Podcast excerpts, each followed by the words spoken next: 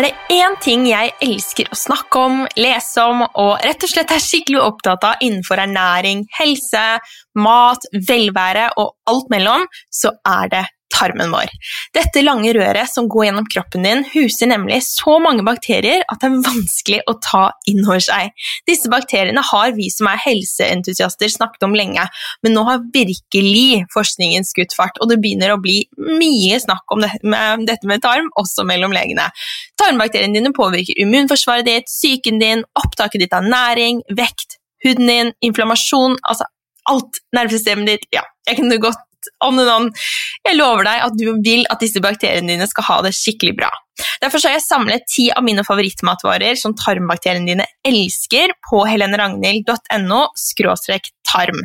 Der beskriver jeg også hvorfor det er så viktig å trene tarmen din. Mm -hmm. Så gå inn på heleneragnhild.no tarm, så finner du de, og det er selvfølgelig helt gratis. I denne episoden så snakker jeg med en som er skikkelig opptatt av tarmen, men også resten av kroppens organer og hvordan du kan ta best mulig vare på dem. Anniken Naelie har selv kjent på kroppen hvordan mat og urter kan ta deg fra en syk og sliten kropp til en kropp i balanse. Nå skal hun snart lansere sine helt egne produkter. Det er så gøy. Jeg har testet dem, og jeg syns de er amazing. I dag er hun her hos meg for å inspirere og dele, og jeg gleder meg til du skal få høre. Hvorfor blir vi så trigget av ordet detox? Hvorfor skaper det så stor debatt? Personlig tror jeg at det er en misforståelse. En tro om at detox handler om piller som gjør at du tisser mer, eller å drikke juice i tre dager. Da jeg ble syk med ME i 2017, så føltes det som hele systemet mitt hadde overload. Det føltes som om det var for mye for kroppen å håndtere, akkurat som det hadde hopet seg opp. Og da hadde kroppen gått av nettopp mindre belastning og mer utrensning over tid. Dagens gjest er ekspert på dette feltet og har i tillegg masse egen erfaring. Jeg fant Anniken på Instagram og måtte bare ta kontakt med henne. Hun er veldig ung, men også full av kunnskap, vakker og utrolig raus. Og nå kaller jeg henne min personlige detox-coach, og å jobbe med henne er veldig annerledes enn noe jeg har gjort før. Og nå gleder jeg meg veldig til å dele henne med deg. Kjære Anniken, velkommen til Klar, ferdig, glød! Tusen takk. Takk for så varm introduksjon. Veldig koselig at du ville komme. Ja, takk for invitasjonen. Eh, du er jo helsefrelst som meg, så jeg må si at jeg er ekstra spent på å høre hvordan akkurat du starter dagen din.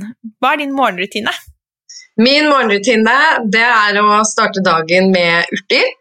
Eh, jeg elsker jo urter, eh, så Min, min favoritting om morgenen er å drikke en urtedrikk som har trukket eh, over natten, for å trekke ut alle de gode næringsstoffene og aktive ingrediensene i urtene. Eh, og da starter jeg dagen med å drikke den for å sette i gang eh, leveren og tarmen og støtte lymfesystemet og nyrene og sånt i rense, rensejobben sin. Ah, det er så spennende, og du har jo fått meg til å bli skikkelig dilla på den urtedrikken. Så det skal vi snakke masse om etterpå. Men hva spiser du, eller spiser du frokost, og hva spiser du i så fall? Ja, altså jeg liker jo å uh, ta urtene på tom mage, for da blir de ofte tatt bedre opp. Eh, og for tiden så har jeg faktisk uh, dilla på egg. Så jeg pleier å starte dagen med raspet eh, søtpotet og gjerne raspet gulrot, siden det er et veldig godt eh, fiber i, uh, i, gulrøtter som også hjelper med å rense tarmen. Mm. Sammen med egg. Ah, så, så det er ganske sånn Ja, det er kjapt og godt og enkelt. så det er det ja. jeg glad på for tiden. Ja, men Det er jo fantastisk og veldig sånn fin sammensetning. Det er jo liksom, Da får du alt du trenger. Ja, og så gjerne en bæsj med kokosolje eller uh, olivenolje for ekstra fett. Mm. Ja, for du, du, har fett om morgenen. Det er jo noen som uh, Sånn alternative Du vet sikkert hvem jeg tenker på. Som er veldig opptatt av at man ikke skal ha noe fett om morgenen pga. leveren. Hva tenker du om det? Um, det det vet jeg egentlig ikke så mye om, for å være helt ærlig. Altså, jeg vet jo at leveren den, eh, den bruker også fett for å binde til de avfallsstoffene og mm. rense seg er jo viktig. for hjernen og, og kroppen generelt så er jo fett kjempeviktig. Mm. Ja, jeg er helt enig. Bare, ja, det, da var det godt å høre at du også er opptatt av å få inn litt fett om morgenen. Jeg syns det er uh, viktig. Men jeg er jo liksom nysgjerrig på om du vil dele litt om deg. Hvem er Anniken, så vi kan bli litt kjent med deg? Ja, eh, vel, jeg er 29 år gammel. Eh, jeg er fra Oslo, og jeg jobber jo da som helse- og detox-coach. Eh, jeg er jo lidenskapelig opptatt av uh, urter og detox, så det er på en måte det livet mitt uh, dreier seg om uh, i stor grad. Veldig glad i å, å hjelpe mennesker som både sliter med kronisk sykdom, og som vil optimalisere helsen sin. og ellers så nerder jeg veldig mye på, på urter og alt som har med helse å gjøre. Mm. Det er på en måte min største hobby, da, som jeg også lever av. Og så driver jeg og utvikler egne, egne, urteprodukter som vi har planer om å lansere til neste år. Eh, vi driver og utvikler et livsstilsbrand som vi kaller Yoshibo. Eh, så vi kommer til å starte med noen urteprodukter, og så vil vi utvikle andre typer helse, helse- og livsstilsprodukter på sikt. Det er veldig spennende. Ja. Jeg gleder meg veldig til de kommer, sånn at jeg kan begynne å bruke det til, uh, ut til kunder. Jeg syns de er helt fantastiske, det er alt det du lager. Men hvordan denne interessen for mat og kropp og urter og detox, altså, hvor, hvor kommer det fra? Jeg har alltid vært veldig interessert i eh, østlig og alternativ eh, medisin. Eh, og ja, alternative måter å, å, rense og støtte kroppen på. Men i slutten av tenårene så ble jeg veldig, veldig syk. Jeg fikk jo diagnosen alvorlig ME og flere leger. Og da var det den ene legen som fortalte meg at det er ingen kur og ingen behandling for ME, og jeg kan bare glemme å noensinne kunne jobbe eller studere. Eh, og at jeg kommer til å bli sittende i rullestol.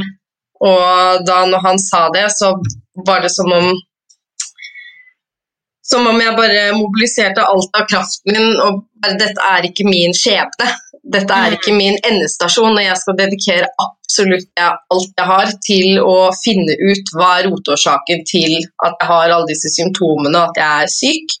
Eh, og når jeg finner den rotårsaken, så vet jeg at det går an å hile det, da og, og kurere det og, og, fikse det. For jeg virkelig tror på at naturen har det vi trenger eh, for å finne balanse og for å rense kroppen og, og ja, leve i harmoni. Da. Eh, og da begynte jo jeg på den reisen av å virkelig studere urter og detox og hva det er egentlig som skaper sykdom i kroppen. Eh, og ja, så det var på en måte sånn min eh, reise begynte. Det var jo å bli min egen lege, egentlig. Mm. Uh, ja, vi har jo veldig like historier. Jeg får liksom gåsehud, for jeg merker at det er veldig Det er som du sier, at du bare Nei, det er ikke min skjebne. Og det, det, er, det, kjenner jeg meg veldig igjen i. At man liksom blir virkelig villig. Jeg husker sånn jeg sa på et tidspunkt at hvis noen sier at jeg må liksom hoppe opp og ned som en kylling 500 ganger om dagen og drikke liksom tusen rare ting, sånn, jeg bare jeg gjør det. Jeg var, jeg var liksom villig til å prøve det meste. Så ja, ja det, er, det, mm. det er noe med det at uh, når man er så syk, da, i hvert fall som jeg var. Altså, det Jeg klarte jo så vidt å dusje to ganger i uka. Jeg, min mor måtte jo, jeg bodde hjemme hos henne, hun måtte ta vare på meg. Altså, bare det å skulle gå på toalettet var liksom den største oppgaven jeg hadde i løpet av en dag. Å mobilisere kreftene til å faktisk komme meg fra senga til toalettet. Eh, mm. og når du er i den tilstanden av å basically være levende død, Uh, og man har den livsgnisten likevel inni seg, at uh, jeg, jeg, vil leve. Uh, så blir man ganske desperat, egentlig, og, og, ganske åpensinnet når man er så motivert for å snu på ting at ja, da mobiliserer man alt man har måte, for å, å, komme ut av den tilstanden. Da. Så, ja, hmm, vi vet jo heller ikke hva ME er. Og, og, jeg tenker sånn for begge oss da, som sitter her nå den dag i dag og føler oss, i hvert fall jeg kan snakke for meg selv, og føler meg veldig frisk, så er det veldig trist å tenke på hvordan det hadde vært hvis vi da bare hadde liksom ikke prøvd noen ting selv. da. Og jeg vet jo at det kan sikkert liksom, Mange hører dette og bare har ME og syns det er vanskelig, for man liksom har ikke den kunnskapen, og man har ikke Jeg sier ikke at det er liksom sånn noen velger å bare bli liggende, og noen velger å gjøre noe med situasjonen. Det er jo ikke så enkelt i det hele tatt. Men jeg, jeg pleier ofte å si at hadde jeg ventet på forskningen, hadde jeg ventet på at legen skulle finne en kuren, så hadde jeg jo fortsatt vært syk. Det er akkurat det. Er akkurat det. Og jeg føler i ME-miljøet også så er det veldig det er veldig sånn, det er ingen kur, det er ingen behandling for dette, vi vet ikke hva det er. Du skal bare bli værende der, da. Og det er jo veldig lite håp. Uh, og jeg begynte jo å se til uh, ganske store, anerkjente leger uh, fra både Europa og USA som, er, som integrerer både alternativ medisin så vel som nyere forskning. Eh, som, som eh, virkelig mener at eh, veldig mange kroniske sykdommer er en kombinasjon av akkumulering av toksiner og giftstoffer fra miljøet, altså miljøgifter, og at vi da blir veldig sårbare for forskjellige typer mikrober at, altså patogeniske mikrober, sånn som parasitter og virus og bakterier og sopp eh, som er rundt oss. Eh, og at man da får kroniske og enten lavgradige eller akutte infeksjoner i kroppen. Eh, fordi disse miljøgiftene blokkerer immunforsvaret fra å fungere. Mm. Eh, og, ja, og det her vet jo ikke den vanlige fastlege nok om, tenker jeg. Det er så veldig den derre Nei, det er ikke noe, litt sånn, eller det er ikke noe du kan gjøre. ikke sant? Det er jo veldig vanlig å si. Så istedenfor å ha litt sånn humility. Altså jeg har lyst til å liksom si sånn banne, da, og bare, kan du ikke bare si sånn 'det vet jeg ikke', sånn som du sa på starten? da, For det er jo helt greit å si 'det vet jeg ikke'. Jeg sier det hele tiden selv til kunder. Jeg bare, det vet jeg faktisk ikke, og det tror jeg ikke noen kanskje vet. Nei. Så det, jeg syns det er kjempefint. da, liksom Man kan bare være litt sånn Ja, men jeg prøvde, og dette funket for meg, og det er jo det vi er her for å dele mm. i dag. Det er jo å snakke om ting som har funket, og som vi opplever funker. Mm. Mm.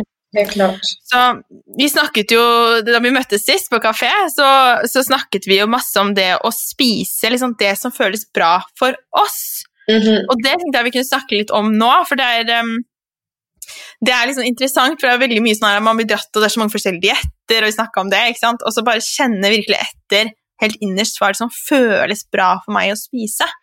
Så jeg lurer liksom på hva er det som føles bra for deg å spise? For meg, altså jeg har jo jeg har spist ganske mye kjøtt i livet mitt. Eh, og så hadde jeg faktisk en periode nå på sensommeren hvor jeg plutselig bare kjente intuitivt da, at nå skal jeg kutte kjøtt. Nå skal jeg bare spise hovedsakelig plantebasert. Eh, og jeg har jo vært altså Når jeg jobber med klienter, så liker ikke jeg å gi konkrete kostholdsråd, fordi at vi er så individuelle. Eh, folk, folk, trenger forskjellige ting og, og, må også høre på kroppen sin og intuisjonen sin hva, hva, de skal ha. Også fra dag til dag kjenne inn hva det, hva det kroppen min trenger i dag. Mm. Eh, men i den prosessen da, av, å være, av å være kjøttfri i det var vel to måneder, så fikk jeg egentlig kvittet meg med en del forestillinger jeg hadde om hvor, hvor, mye kjøtt jeg faktisk trenger, hvor mye proteiner og sånt jeg trenger i løpet av dagen. Mange forestillinger som satte seg i hodet, eh, mm. som også på en måte spiller inn i det når man skal kjenne etter med intuisjonen sin hva er det jeg trenger. Eh, da er det jo på en måte de alle de artiklene man har lest, og alle de uttalelsene fra forskjellige helseeksperter som mener det og det og det. Eh, og jeg følte i, i den, med den erfaringen da, av å, å, kutte bort veldig mange av de ideene jeg hadde da om kosthold, så kom jeg mer i kontakt med å virkelig kjenne i kroppen hva, hva er det jeg faktisk trenger.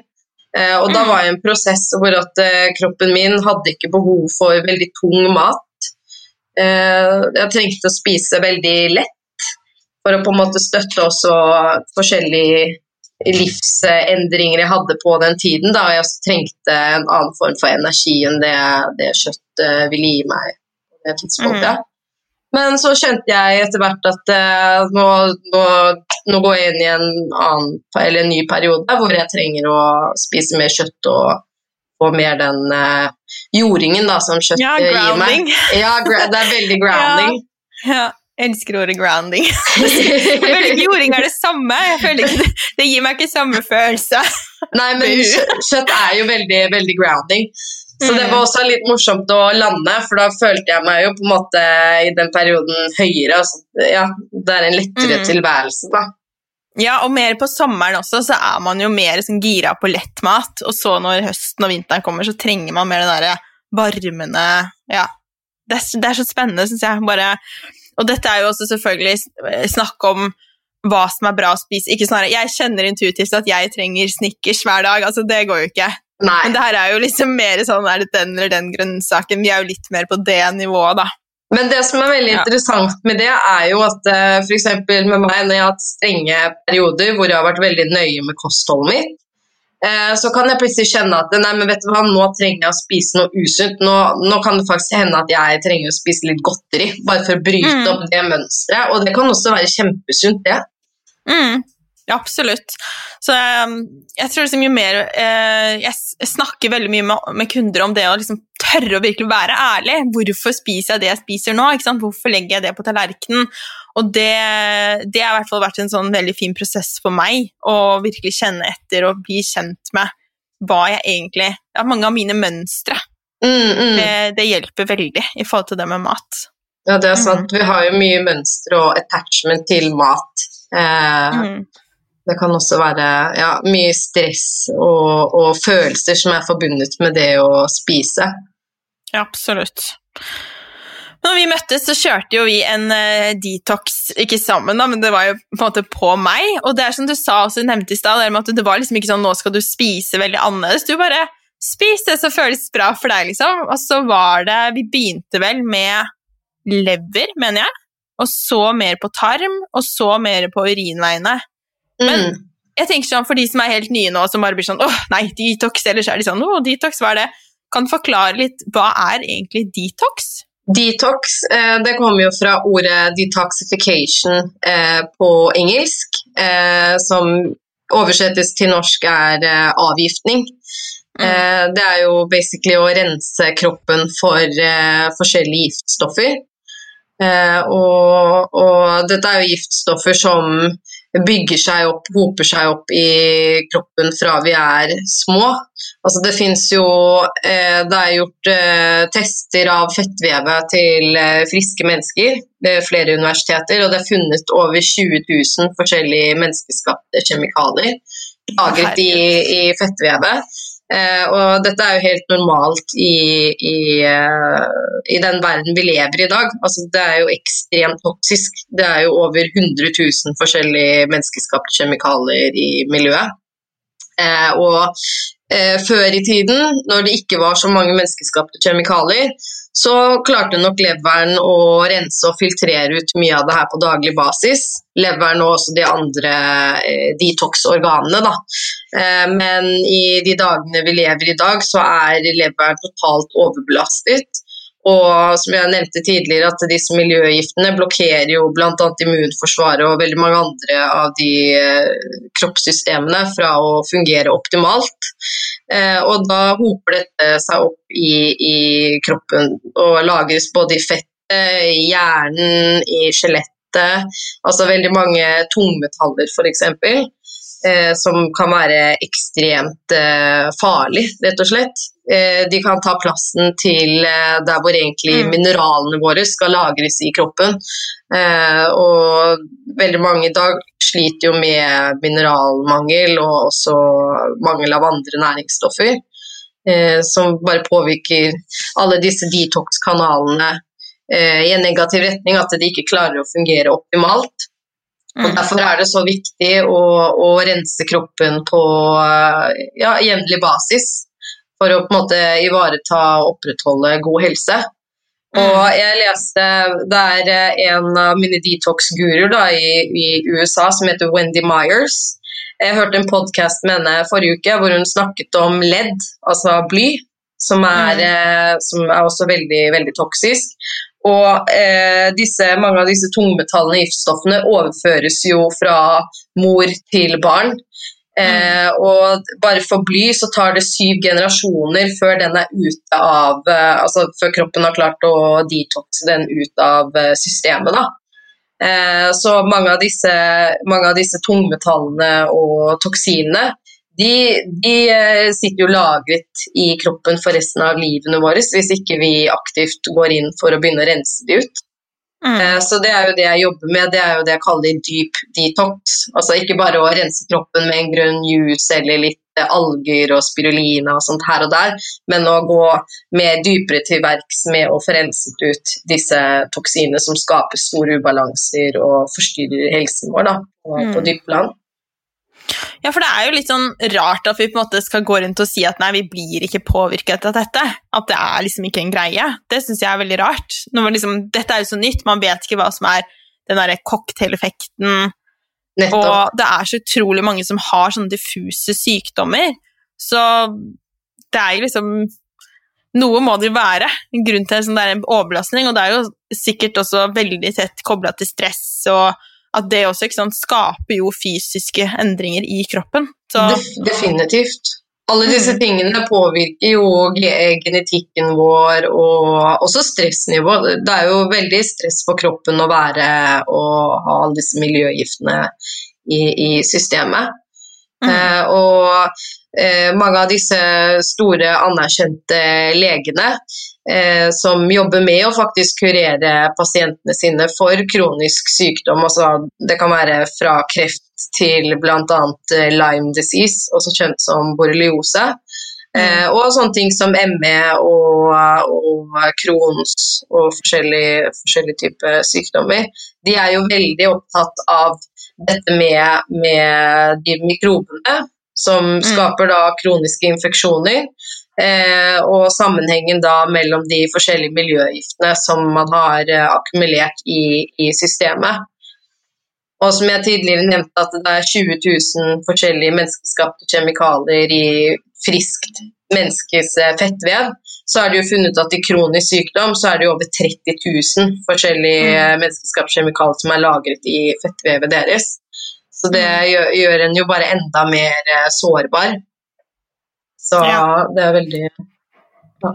ja. det er veldig spennende, og jeg skulle bare ønske at det var litt mer sånn åpent om at man liksom bare Ok, spennende, hva kunne det være? Fordi detox er jo et ord som er veldig triggende. Jeg føler alltid sånn i desember liksom, Nå har vi sikkert garantert sett noen artikler hvor det er sånn 'Det nytter ikke å ta en detox!' Og liksom, jeg føler alltid sånn mange sånne offentlige leger er så sinte. Hvorfor, hvorfor tror du det er så triggende med detox? Hvorfor tror du folk blir så sure når man snakker om det?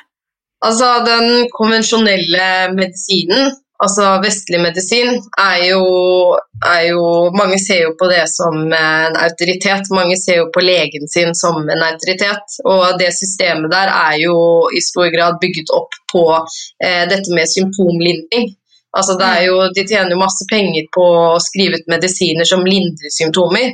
Eh, og det er ikke så mye fokus på eller altså Det er jo ikke et system som er bygget på å kurere eller adressere mm. sånn rotårsak til hvorfor har mennesker disse ubalansene eller disse helsetilstandene. Eh, mm. Så det er, eh, det er, mye som, som ligger der.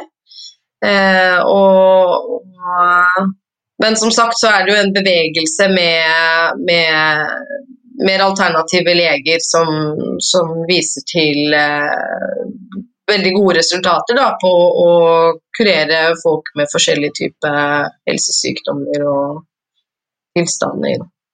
Ja, og ikke minst så føler jeg at vi er i en litt sånn der revolusjon med det å på en måte ta vare på sin egen helse, og det har jo vært en sånn skikkelig Som nesten sånn, blitt en sånn kjempestor del av min identitet. Det at mm -hmm. jeg er veldig sånn Jeg hører på meg og kjenner etter hva jeg føler er riktig, og det er virkelig ingen som skal komme og fortelle meg at liksom noen ting om min kropp. da. Sånn, Jeg selvfølgelig lytter til legene og har erfaringer, men jeg tror min reise, og sikkert kanskje noe du også har kjent på, da, med ME særlig, er jo den derre Legen kan ikke hjelpe deg, du må gjøre det selv. Og da blir man også litt sånn innstilt til én del av helsevesenet. Så er man jo selvfølgelig altså, veldig takknemlig for det helsevesenet vi har i Norge, og den hjelpen de gir, særlig liksom, på det akutte.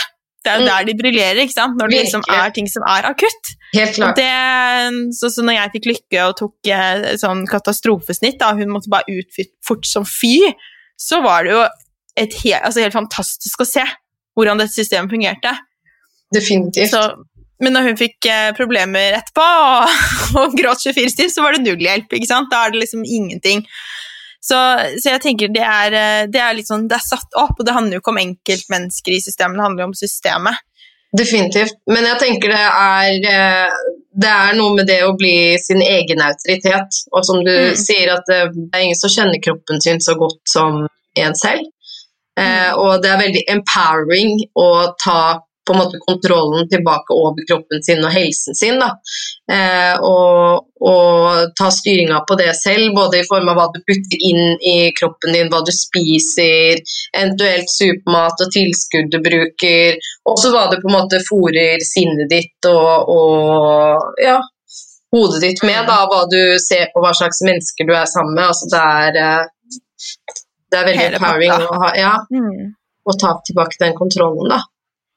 Så for de som nå kjenner sånn Ok, nå jeg, jeg vil liksom teste litt, da, eh, og prøve å være litt flinkere til å detoxe. Hva, hva, er det man kan starte med hvis man vil eh, begynne å liksom eh, detoxe kroppen? Jeg er veldig fan av klorella. Mm. Klorella er fantastisk og på en måte en sånn allrounder eh, når det mm. kommer mm. til å både rense og avgifte kroppen sin og støtte den, siden den er en supermat. Den er full av veldig mange forskjellige gode næringsstoffer. Eh, og så er det en veldig sterk eh, binder. Det man kaller en binder, mm. den, den eh, trekker til seg og binder til forskjellige toksiner og giftstoffer. Eh, både fra de, de, miljøgiftene jeg har nevnt, eh, og også fra eh, sånne dårlige mikrober, ubalanse man har i tarmfloraen. Mm. Eh, så det er et veldig fint sted å starte.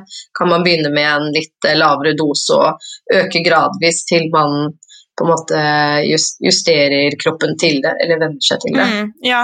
ja. for detox er jo litt sånn at man kan sette i gang Litt sånn som hvis du begynner å rydde hjemme, så drar du alt frem, og så bare får du helt sånn Herregud, da er det sykt rotete. Ja, så, så det er litt samme detox. Ja, clouet med detox eh, det er jo å starte forsiktig og gå sakte frem. Fordi du har ikke lyst til å mobilisere og frigjøre veldig mange giftstoffer på en gang, sånn at leveren og tarmen og, og kroppen blir eh, overveldet og ikke klarer å håndtere det. For da, da, blir det bare enten så flyter det rundt i blodet, og så har man hele tiden forgiftningssymptomer, da, eh, det man kaller mm. detox-reaksjoner, eller så blir det bare redistribuert i, i kroppen. Men hvis du begynner å detoxe, så kjenner du Hva, hva er vanlige sånne reaksjoner man kan kjenne? Altså, jeg, jeg, eh, driver jo med dyp detox og har en mer systematisk tilnærming til hvordan jeg jobber. Så jeg starter jo mm. alltid med tarmen eh, før jeg går videre til lever og nyrer, urinveier og lymfesystem og blodet. Eh, mm. fordi at eh, Du kan ikke begynne å rense f.eks. leveren din hvis tarmen din ikke fungerer smidig og du på en måte får, eh, får renset ut det som kommer fra leveren. Mm. så, så, jeg liker alltid å starte med jeg, jeg, mener man burde alltid starte med tarmen. Mm. og, og, så jobbe seg videre gjennom. Mm. Ja, og som, som, du sier, ta det veldig forsiktig. Man kan jo sikkert begynne med bare maten man spiser, da, hvis man liksom ikke skal jobbe med noen og ikke på en måte få en slags oppsett, ja. så er det lurt å begynne å spise. Hva slags mat er det som kan være bra å spise mer av? Altså, grønnsaker, helt klart. Eh, jeg pleier å si at eh, kostholdet ditt det er jo helt grunnleggende, det er fundamentet ditt. Og så bygger du videre der, derfra. Hvis noen mm. kommer til meg og har lyst til å begynne å detoxe, men har, helt eh, har et helt forferdelig kosthold, så, så, setter ikke jeg dem på noe og kjører ikke noe systematisk detox på dem før de har fått eh, kostholdet sitt på plass. Fordi Nei. bare det å ha et usunt kosthold er jo masse stress på kroppen, er jo en slags toksisitet i seg selv. Mm. Eh, så ja, spise mye grønnsaker. Eh, for noen så kan det faktisk være veldig bra en periode å redusere mengden med kjøtt som de spiser. Eh, jeg, er mm. ikke noe fan, ikke noe fan av gluten og raske karbohydrater, pasta, brød og sånne ting. Det blir som lim i, i tarmen. Eh, kutte sukker, eh, spesielt i hvert fall raffinert sukker. Mm. Eh, og heller ja, bruke mer naturlig sukker, sånne ting. Ganske, ganske basic eh, stuff, egentlig. ja, the basic stuff. Ja, men så er jo sånn hele tiden at folk kanskje de vil liksom ha de der små og jeg bare, Det er liksom grønnsaker. Bare spis sykt mye grønnsaker. Hvis du bare øker, prøv liksom nå en uke å doble hvor mye ja. grønnsaker du spiser. Uh, og det er det jeg selv også gjør når jeg kjenner sånn Oi, nå må jeg liksom bare stramme litt opp. Ikke i kroppen, mer sånn i kostholdet. så kjenner jeg liksom nå med mer energi og sånn. Da er det bare sånn masse mer grønnsaker. Og det gjør jo at du kjempefort føler deg bedre. Ja, ja, jeg er helt, helt mm. enig. Ja. Men jeg vil jo Ja, hva er det du skulle si? Nei, altså, jeg merker jo spesielt neste dag eh, når jeg våkner opp, hvis jeg ikke har spist så, så sunt, så merker jeg det jo veldig dagen etter når jeg våkner, at eh, ting går mye treigere. Energien flyter ikke så veldig bra i kroppen, og ser er liksom litt blokkert. da. Mm. Eh, og da kjøre på med god dose med grønnsaker. Sette ting eh, i gang igjen, da. Mm. Ja, det er kjempedeilig. Men hva slags andre ting er det som, er, eh, som kan unngå i et sånt detox-program? For jeg har vi jo uh, urtene som vi skal snakke om etterpå, sånn, men jeg, jeg, fikk jo også litt andre tips, da, blant annet sauna. Ja. Som nå har liksom blitt så sykt hot. Det er så gøy at folk bare Første gang um, når du sa til meg at bare, du burde liksom prøve sånn sauna, så var jeg sånn Å ja, det har jeg egentlig hatt lyst til å gjøre lenge. Og så var det du som liksom pusha meg litt sånn Ikke pusha, da, men liksom da inspirerte meg til å faktisk kjøpe en. Mm. Og så delte jeg det, og det var sånn flust av meldinger. Folk bare 'Jeg elsker saunaen min! Den er så bra!' Hva er det som er så fint med sånne hjelpemidler da, til kroppen? Altså, Infrarød sauna er jo ganske annerledes enn å bare ta vanlig sauna eller badstue, eller til og med ja. å svette når man jogger. Fordi infrarødlyset det penetrerer jo ned i fettlagene, så det går dypere inn i kroppen enn det badstue på en måte gjør. Så du svetter mm. fra et annet sted, du svetter fra det fettet. Og som jeg mm. snakket om tidligere, så er det jo eh, veldig mye av de eh, toksinene og de miljøgiftene sitter jo lagret i fettet. Eh, mm. Så da kan man faktisk svette ut mye tungmetaller og forskjellige kjemikalier og, og miljøgifter eh, gjennom infrarød sauna.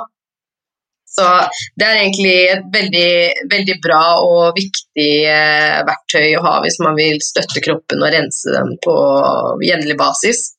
Det er å bruke infrarød sauna gjerne et par ganger i uken. Eh, eller hvis man skal kjøre en eh, kraftigere detox, da, som jeg gjør med klienter, så setter jeg dem på ganske hyppig infrarød sauna sessions. Og kombinerer med noen tilskudd som hjelper dem å svette ut enda mer av de toksinene som er lagret i kroppen. Ja, for det er jo masse velvære. Jeg følte i hvert fall sånn jeg sover så godt når jeg har tatt infrarød sauna. Og kjenner, altså ser det på huden, kjenner det liksom på sånn, så er det liksom vann i kroppen. At det mm. hele systemet bare fungerer bedre. Ja, så Det vi må huske på er jo at Kroppen er jo et elimineringsorgan også. Det er det største mm. eliminerings- eller detox-organet, det. Det er det største detox-organet vi har.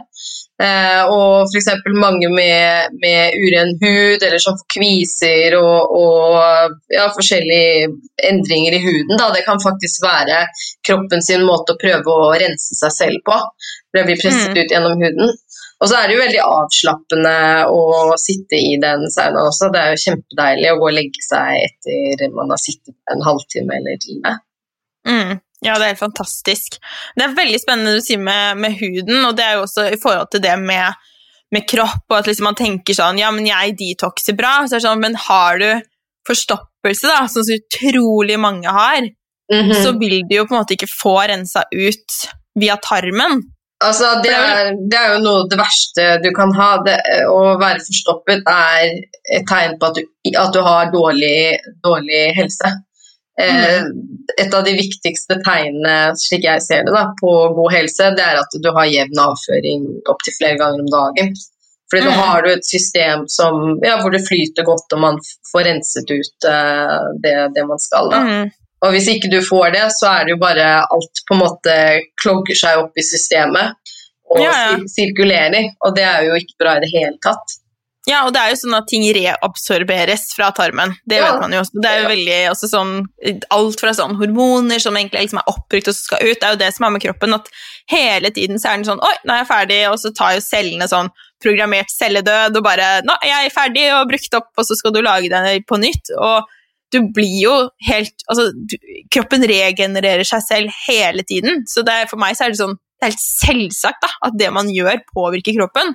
Helt klart. Og det er jo så viktig å minne seg selv på. Mm. Liksom, de tingene du gjør, har så mye å si, og at det betyr også at det er håp da, for å føle seg bedre enn det du gjør nå, fordi at du, du får snart en helt ny kropp. Det, Ja, ja, ja. Det er så sant. ting endrer seg hele tiden. Så det er, eh, det er et stort lysglimt, da. Virkelig. Mm. Ja, Med det alle disse um, tilskuddene som du, som du snakker om, så har du jo også lagd ditt helt eget tilskudd. Så det Mhm. første som jeg ble kjent med, var jo Paratox. Og jeg lurer seg på sånn Kan du fortelle litt om Paratox, hva det er? ja, eh, Paratox det er på en måte min Eller ikke på en måte. Paratox er min hyllest til eh, sykdommen min. Eh, en av de viktigste grunnene til at jeg ble frisk fra ME, det var at jeg renset tarmen min så altså, ekstremt intensivt. Jeg fikk renset ut veldig mye av de infeksjonene og ubalansene jeg hadde i tarmfloraen min, eh, som gjorde underverker for, eh, for helsen min og transformerte helsen min. Eh, og mye av det var faktisk parasittrensing, altså at jeg renset de parasittene som jeg hadde i kroppen og tarmen. Og da, for å gjøre det, så brukte jeg eh, veldig mange urter som jeg kombinerte i det som da er blitt Paratox, som er en egen urteformula for å rense tarmen og, og eh, rydde opp i de ubalansene man har i tarmflor tarmfloraen. Eh, så jeg brukte jo det først på meg selv under min sykdom, og så begynte jeg å hjelpe andre pasienter. Eh, og så etter hvert som jeg ble frisk og begynte å jobbe som helsecoach og, og fikk klienter som slet med, med alvorlig sykdom, så begynte jeg å bruke Paratox på, på dem. Eh, og folk hadde jo kjempegod effekt av det. Eh, og Mm. så har jeg og kjæresten min Indigo eh, Vi bestemte oss for å lage Paratox til et produkt. Og det er det vi jobber med å få lansert nå i større skala, sånn at det er tilgjengelig for, eh, for mer enn bare klientene mine og, og venner. Da. Mm. Det er kjempespennende. Ja, det blir så bra. Det blir helt fantastisk å bare kunne anbefale. Det beste jeg vet, er jo å anbefale gode produkter videre og å kunne ha løsninger da, eh, og ting som kan i hvert fall hjelpe med å få tarmen bedre. Og Ja. eh, ja. Ja, Paratox er Altså, det er eh, Jeg mener at Paratox er helt fantastisk. Altså, det er virkelig gull for å få renset uh, tarmen din. Og jeg har sett, uh, sett uh, brukt det på flere hundre av mine klienter og sett skikkelig gode resultater. Både i forhold til kronisk sykdom og folk som egentlig er friske, men som bare vil rense kroppen sin og, og støtte tarmen sin. Mm. Og i Paratox så er det masse urter, som du Mm. sa. Ikke sant? Så vi må jo snakke litt om urter. Hvorfor, hvorfor urter, Anniken? Hvordan utviklet du et sånn kjærlighetsforhold til urter? Ja, jeg har et skikkelig kjærlighetsforhold til urter, og det er jo fordi at jeg da eh, i min sykdom, når jeg på en måte virkelig oppdaget urter, eh, så var det i at jeg så, begynte å se på urter som medisin. At det, er, er urter der ute som har medisinsk og terapeutisk effekt på kroppen, og som ikke bare kan liksom gjøre noen endringer, men som virkelig kan gjøre store endringer og være med på å rense og bryte ned og bygge opp kroppen eh, på et veldig dypt nivå.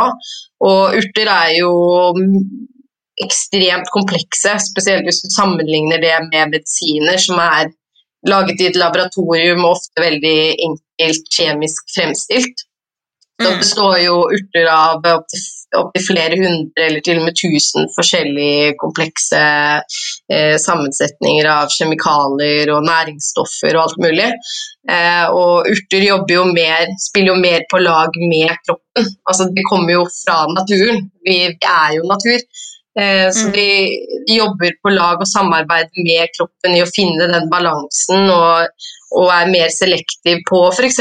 hva slags eh, mikrober den renser ut. At den, den eh, renser ut de dårlige mikrobene fremfor nødvendigvis de gode tarmbakteriene som vi trenger.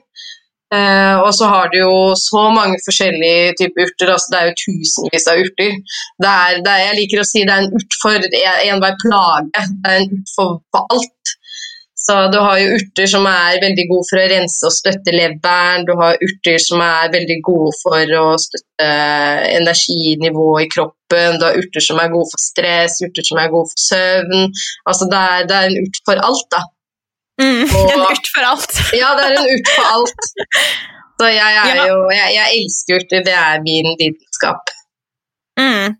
Og du også plukker en del urter selv, eller kjøper du de, eller hvor finner du de? Eh, altså det jo, Da jeg var syk, så bestilte jeg jo eh, på nettet og begynte å eksperimentere på den måten. Men etter hvert som jeg har på en måte søkt mer ut uh, til naturen, så driver jeg og lærer meg om hvordan man plukker de uh, direkte fra naturen, og hvordan de ser ut og sånt der, da. Mm. Uh, og så er det jo mange urter som jeg også er veldig fan av, som er, har ganske sterk medisinsk effekt, som man ikke får tak i, eh, i den delen av verden som vi lever i, da. Nei, selvfølgelig. Ja, men det er veldig spennende også å bruke urter som er fra lokalområdet sitt, da, som er kanskje mer i, i tune med, med, de fasene kroppen din selv går igjennom. Ja, det er sant. Spennende.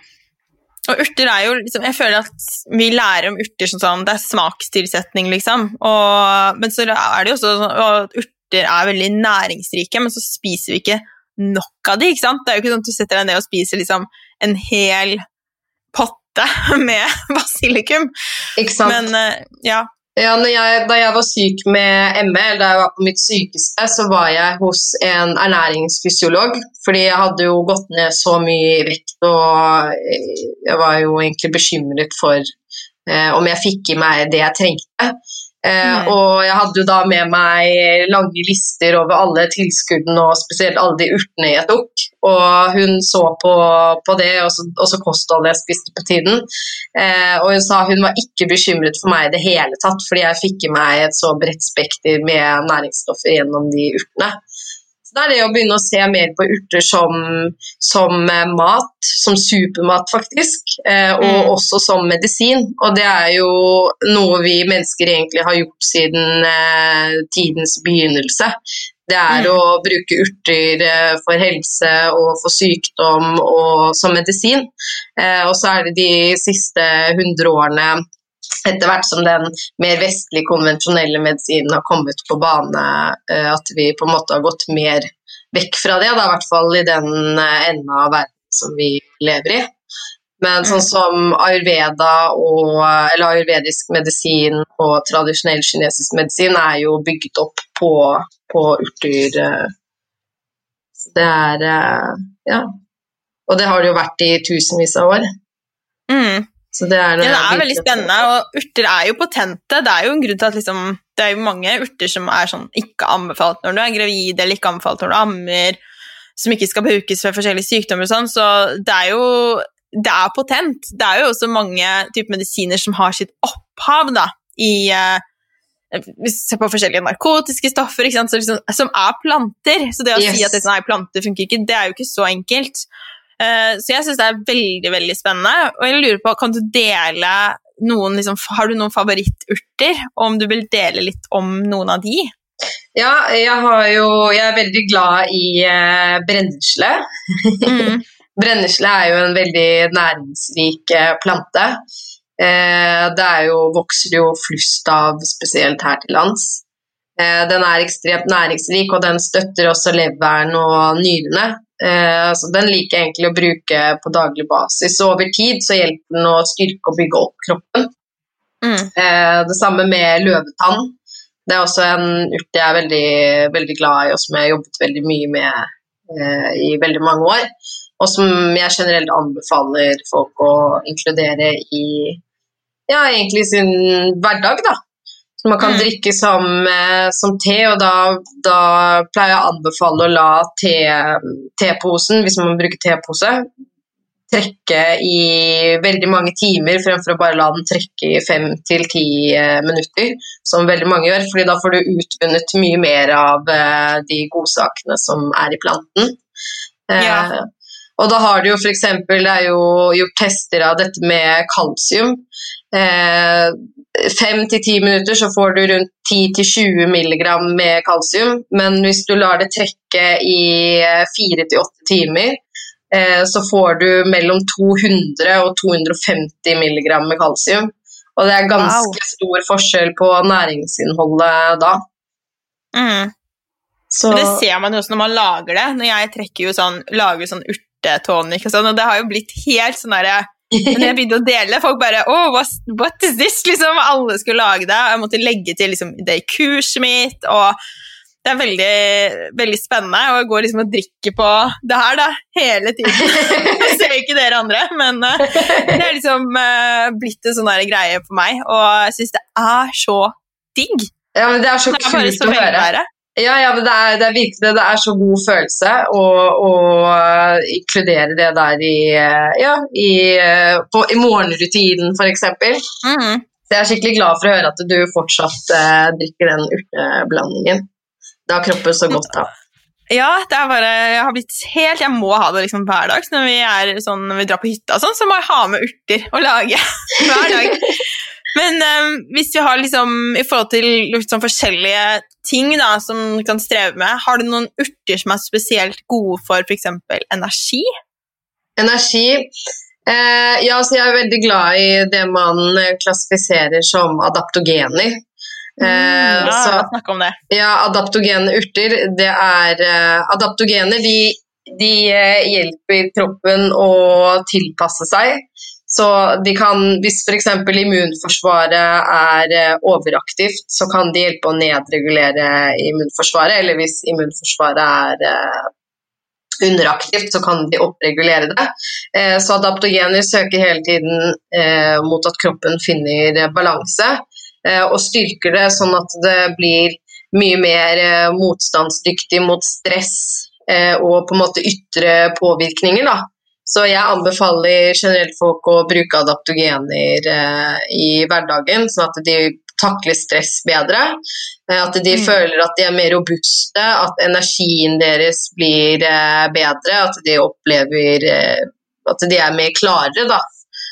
Så da har du jo f.eks. Og da har du jo forskjellige typer adaptogener. Noen er bedre å bruke om morgenen fordi de gir mye mer energi, og så har du andre adaptogener som er bedre å bruke på ettermiddagen eller kvelden fordi de roer nervesystemet og, og, eh, og gjør deg på en måte mer avslappet, da.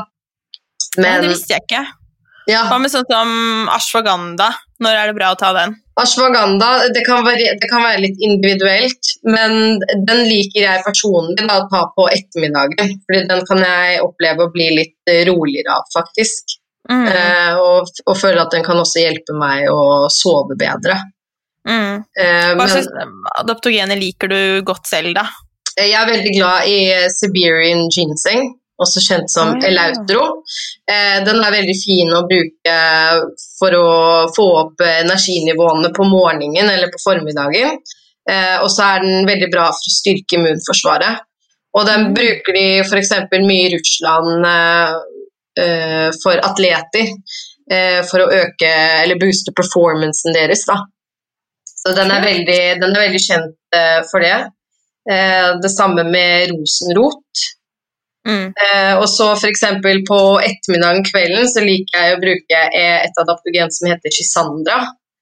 Mm. Eh, for den, er, den, den, den opplever jeg at roer kroppen litt mer og roer nervesystemet og gjør meg litt mer klar for å sove. Og den er også veldig bra bl.a. for å støtte leveren eh, og også immunforsvaret. Mm. Det er noen av mine favorittadaptogener. Ja, det er så mange. Det er, Hva- så, det er så mange. Det er så mange ting. Ehm, hva med shaga? Skjønner du noe til det? Ja, ja, du har jo adaptogene sopper også, eh, som er eh, også helt fantastisk å bruke. Da har du jo cordyceps, eh, shaga, lion's mane, som er veldig bra spesielt for hjernen eh, Mm. og for hukommelsen. Eh, så ja, det er ganske, det er ganske mye forskjellig å, å velge mellom. Ja. Eh. Jeg kjøpte akkurat chaga fra en sånn lokal bonde, så det er sånn plukka i Norge, da. Det Så det er er, jo veldig morsomt der. det er kjempekult å gå ut i skogen og plukke sin egen chaga og, og Mm. koke den opp selv. Mm. Det er veldig, veldig fint. fint å er gjøre. Og så så ja. smaker det så skog. Ja, det, ble, det er jeg spent på. Så hun sa at jeg skulle koke det opp, og så kunne jeg bruke det liksom flere ganger. da. Hun kunne koke på samme. Så det, er Mm. veldig, det er spennende. Men det fins jo også mange sånn tinkturer og, og sånn å få kjøpt, da. Hvis man vil um, liksom dråper. Det fins kaffer. altså Der er jo Ja, det finnes så mange forskjellige så er det så mye mer av det, ja. føler jeg. Det er liksom, folk er så mye mer åpne. Det er så mye mer eh, Det er så gøy. Jeg syns det er kjempespennende å høre om. Ja, vi, Så, driver, vi driver og kommer dit her i Norge òg, da det bare henger litt etter eh, når det kommer til eh, sånne ting. Ja, ja, vi er så skeptiske. Mm. Jeg er jo liksom Nei, vi skal ikke Vanlig mat er bra nok. Bare, ja, ja, det er jo det, men hva er vanlig mat? Det. Hva er vanlig? Men uh, hva med noe urter eller noe annet for hormoner, da? Ja, der, eh, der er jeg litt mer forsiktig med å uttale meg, for det er så mye Mm. som spiller inn eh, med hormonbalansen. Så det, ja, det liker jeg egentlig ikke å uttale meg så konkret om. Mm, men Det skjønner jeg. Det er jo så mye forskjellig også. Ikke sant? Man kan ha liksom, det kommer helt an på hva man har for mye av. Det er jo så mange forskjellige situasjoner når det gjelder Ja, hormonbalanse. jeg har jo også eksperimentert veldig mye selv. Eh, og da var det på Det var på et tidspunkt når jeg sluttet med p-piller. Eh, og jeg hadde ganske Jeg hadde en periode med veldig, veldig hormonelle ubalanser. Eh, og begynte å eksperimentere med noen urter. Eh, som i utgangspunktet skulle være med på å balansere på en måte de hormonene som jeg da hadde i ubalanse. Men det, det funket ikke veldig, veldig bra. Så jeg har begynt å sette meg mer inn i dette med hormoner og også de forskjellige fasene, spesielt for kvinner da, i løpet av, Mm. eh, i løpet av syklusen. For det er jo så annerledes hvordan hormonene er, hvordan de skal optimalt være fra en, en uke til en annen. Eh, Ja. Og da er det da er det at du ofte må variere hva slags urter du skal bruke i de forskjellige fasene da, for at det skal ha den effekten man ønsker, og ikke skape mer ubalanse. Mm. Mm. Absolutt. Og det er jo også en sånn veldig fin ting å si, egentlig, at det er så forskjellig hvordan man reagerer, særlig på sånn adaptogener.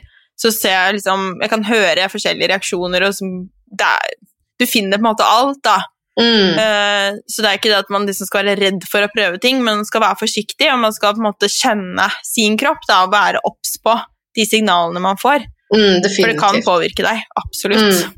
Og så er det jo disse type, uh, disse type urtene, å bruke de på den måten er jo veldig fin, men det er jo ofte også om man bruker det mer som en symptomlindring, eh, Mm. så adresserer jo ikke det nødvendigvis rotårsaken til, til det man bruker urtene for.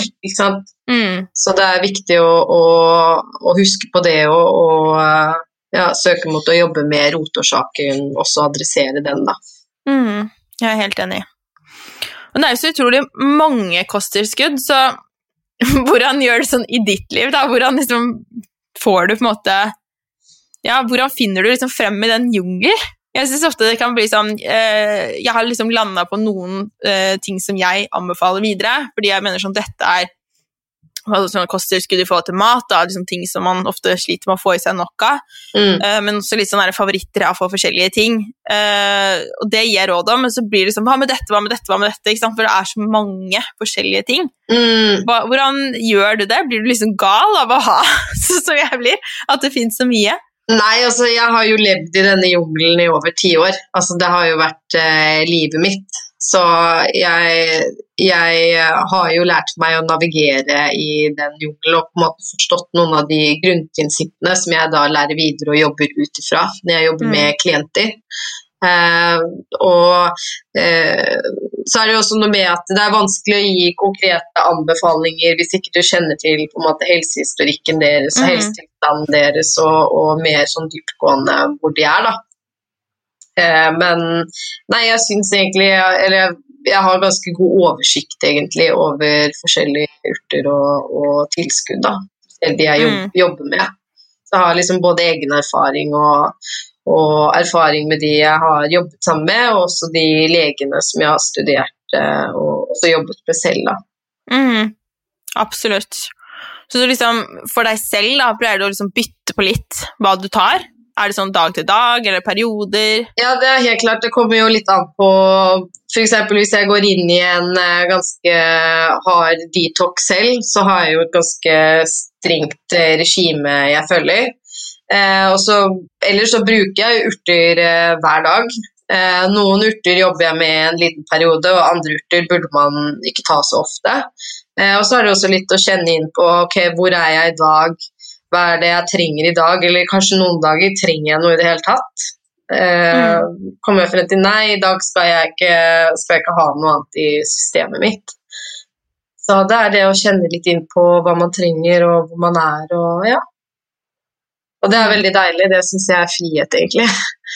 Ja, det er jo det. det er liksom, jeg skjønner jo at det blir vanskelig for en som ikke kan så mye om det, men det er jo da det er fint å søke hjelp og komme til noen som kan det, få råd.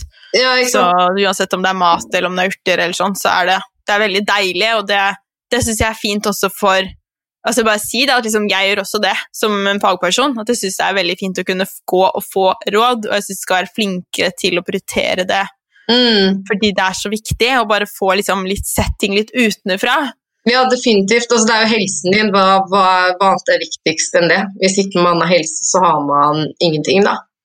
Eh, mm. Men jeg skjønner at det kan bli veldig overveldende. Jeg tror folk, eh, også vår generasjon, er flinkere til å søke informasjon og har lyst til å lære seg å forstå og sette seg inn i, inn i ting.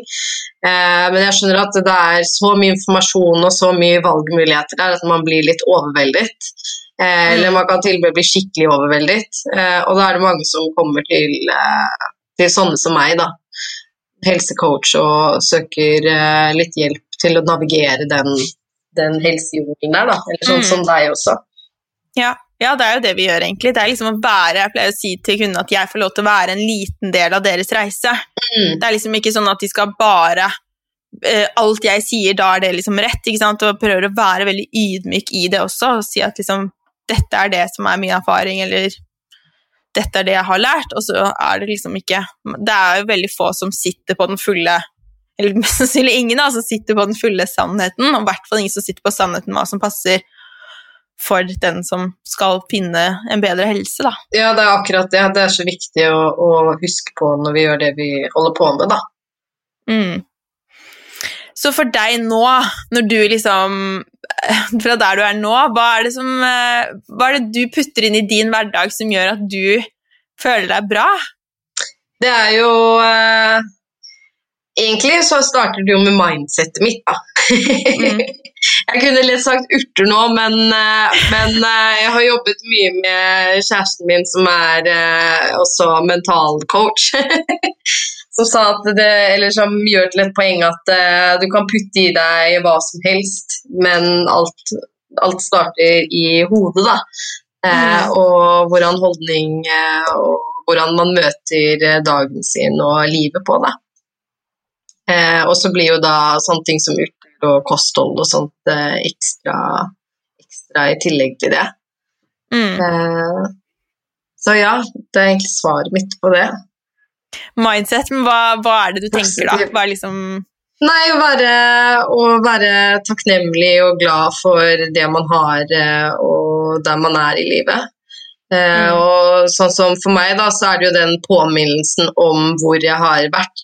Altså, når jeg var på mitt sykeste, så visste jo ikke jeg om jeg kom til å våkne opp neste dag. Jeg visste ikke om jeg kom til å leve et år til, om jeg kom til å oppleve å og uh, møte noen, gifte meg, få barn, alle disse tingene her, da. Uh, og den påminnelsen på at uh, nå har jeg faktisk fått tilbake livet mitt, og jeg har på en måte fått en ny sjanse til å leve, da. Og til og med nå, nå kan jeg bruke den reisen jeg har vært på, alt jeg har opplevd og erfart selv, og også alt jeg har lært meg på veien til å faktisk hjelpe andre, så de kan oppleve det samme. Det er jo virkelig fantastisk. Så det er jo noe å virkelig være glad over. Mm, jeg er helt enig.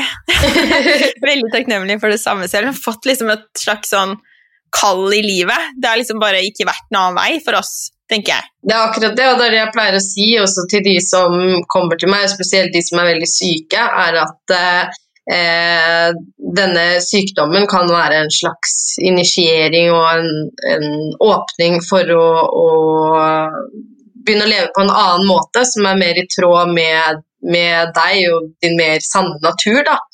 Eh, Mm. og kanskje, ja, som gjør at man da på sikt vil leve mer i tråd med, med kallet sitt, rett og slett.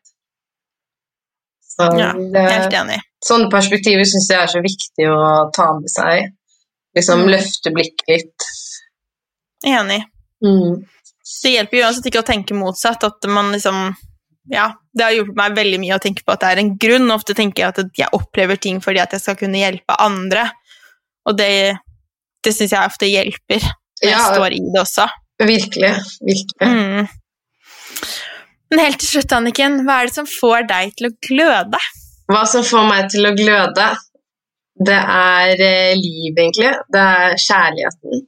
Kjærligheten til kjæresten min, kjærligheten til urtene, kjærligheten til familien min, kjærligheten til livet, egentlig. Det å Mm. bare virkelig føle at jeg er til stede her og nå, da, det får meg til å gløde. Så fint. Hvor er det vi kan finne deg og følge deg, eventuelt ta kontakt? Dere kan følge meg på detox.no. Eh, og så finner du meg på Anniken Nayeli eh, på Instagram. Eh, og snart så kommer jeg også ut med produktene mine, mine når, lanserer, når vi lanserer Yoshibo. Eh, så da vil du også kunne finne oss på yoshibo.com. Det er yuxibu.com. Det gleder vi oss kjempemasse til. Ja, jeg òg. Det blir kjempebra. Da er det bare å meg, nå ut Nei, jeg bare skal si at, nei, da skal jeg bare si at er bare nå ut til meg med detox-spørsmål, eller hvis du har lyst til å jobbe med meg, enten rense kroppen eller optimalisere hverdagen din med ja, urter og anbefales. Ja. Biohacking. Ja. Og meg det finner du på heleneragnhild.no og Helene Ragnhild på Instagram og Helene Ragnhild Ernæring på Facebook. Og så håper jeg kjempegjerne at du vil gå inn i iTunes eller appen din på mobilen og gi meg fem stjerner. Da blir jeg kjempeglad. Og at du vil lytte videre en annen gang. Tusen takk for at dere var med. Ha det bra! Ha det.